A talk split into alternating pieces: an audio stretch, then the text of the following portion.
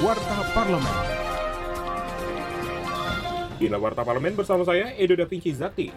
Ketua DPR RI Puan Maharani meminta pemerintah bekerja cepat menyelesaikan persoalan terkait sanksi dari Badan Anti Doping Dunia atau World Anti Doping Code atau WADA. Ia meminta pemerintah melakukan evaluasi untuk kemudian mengupayakan segala cara agar sanksi tersebut cepat dicabut.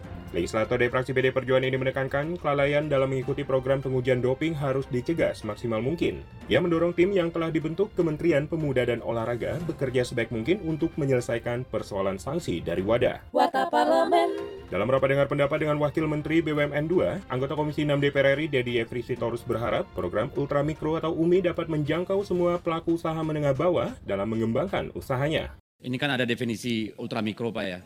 Nah ini dalam piramida usaha mikro ini, ini kebanyakan di mana Pak yang akan disasar?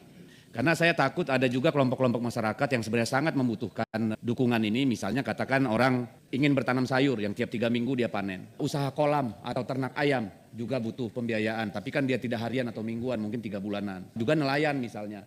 Apakah kelompok-kelompok ini juga akan dijangkau oleh UMI atau tidak? Kita sangat berharap bahwa benar-benar nanti pembiayaan rakyat kecil ini ada perbaikan buat semuanya.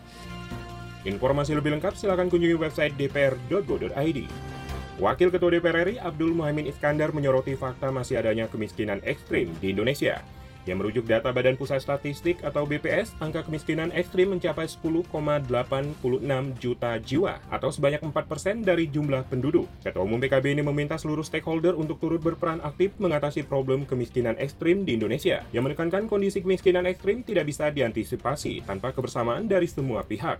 Televisi Radio Parlemen. Demikian Warta Parlemen, Produksi TV dan Radio Parlemen, Biro Pemberitaan Parlemen, Sekjen DPR RI.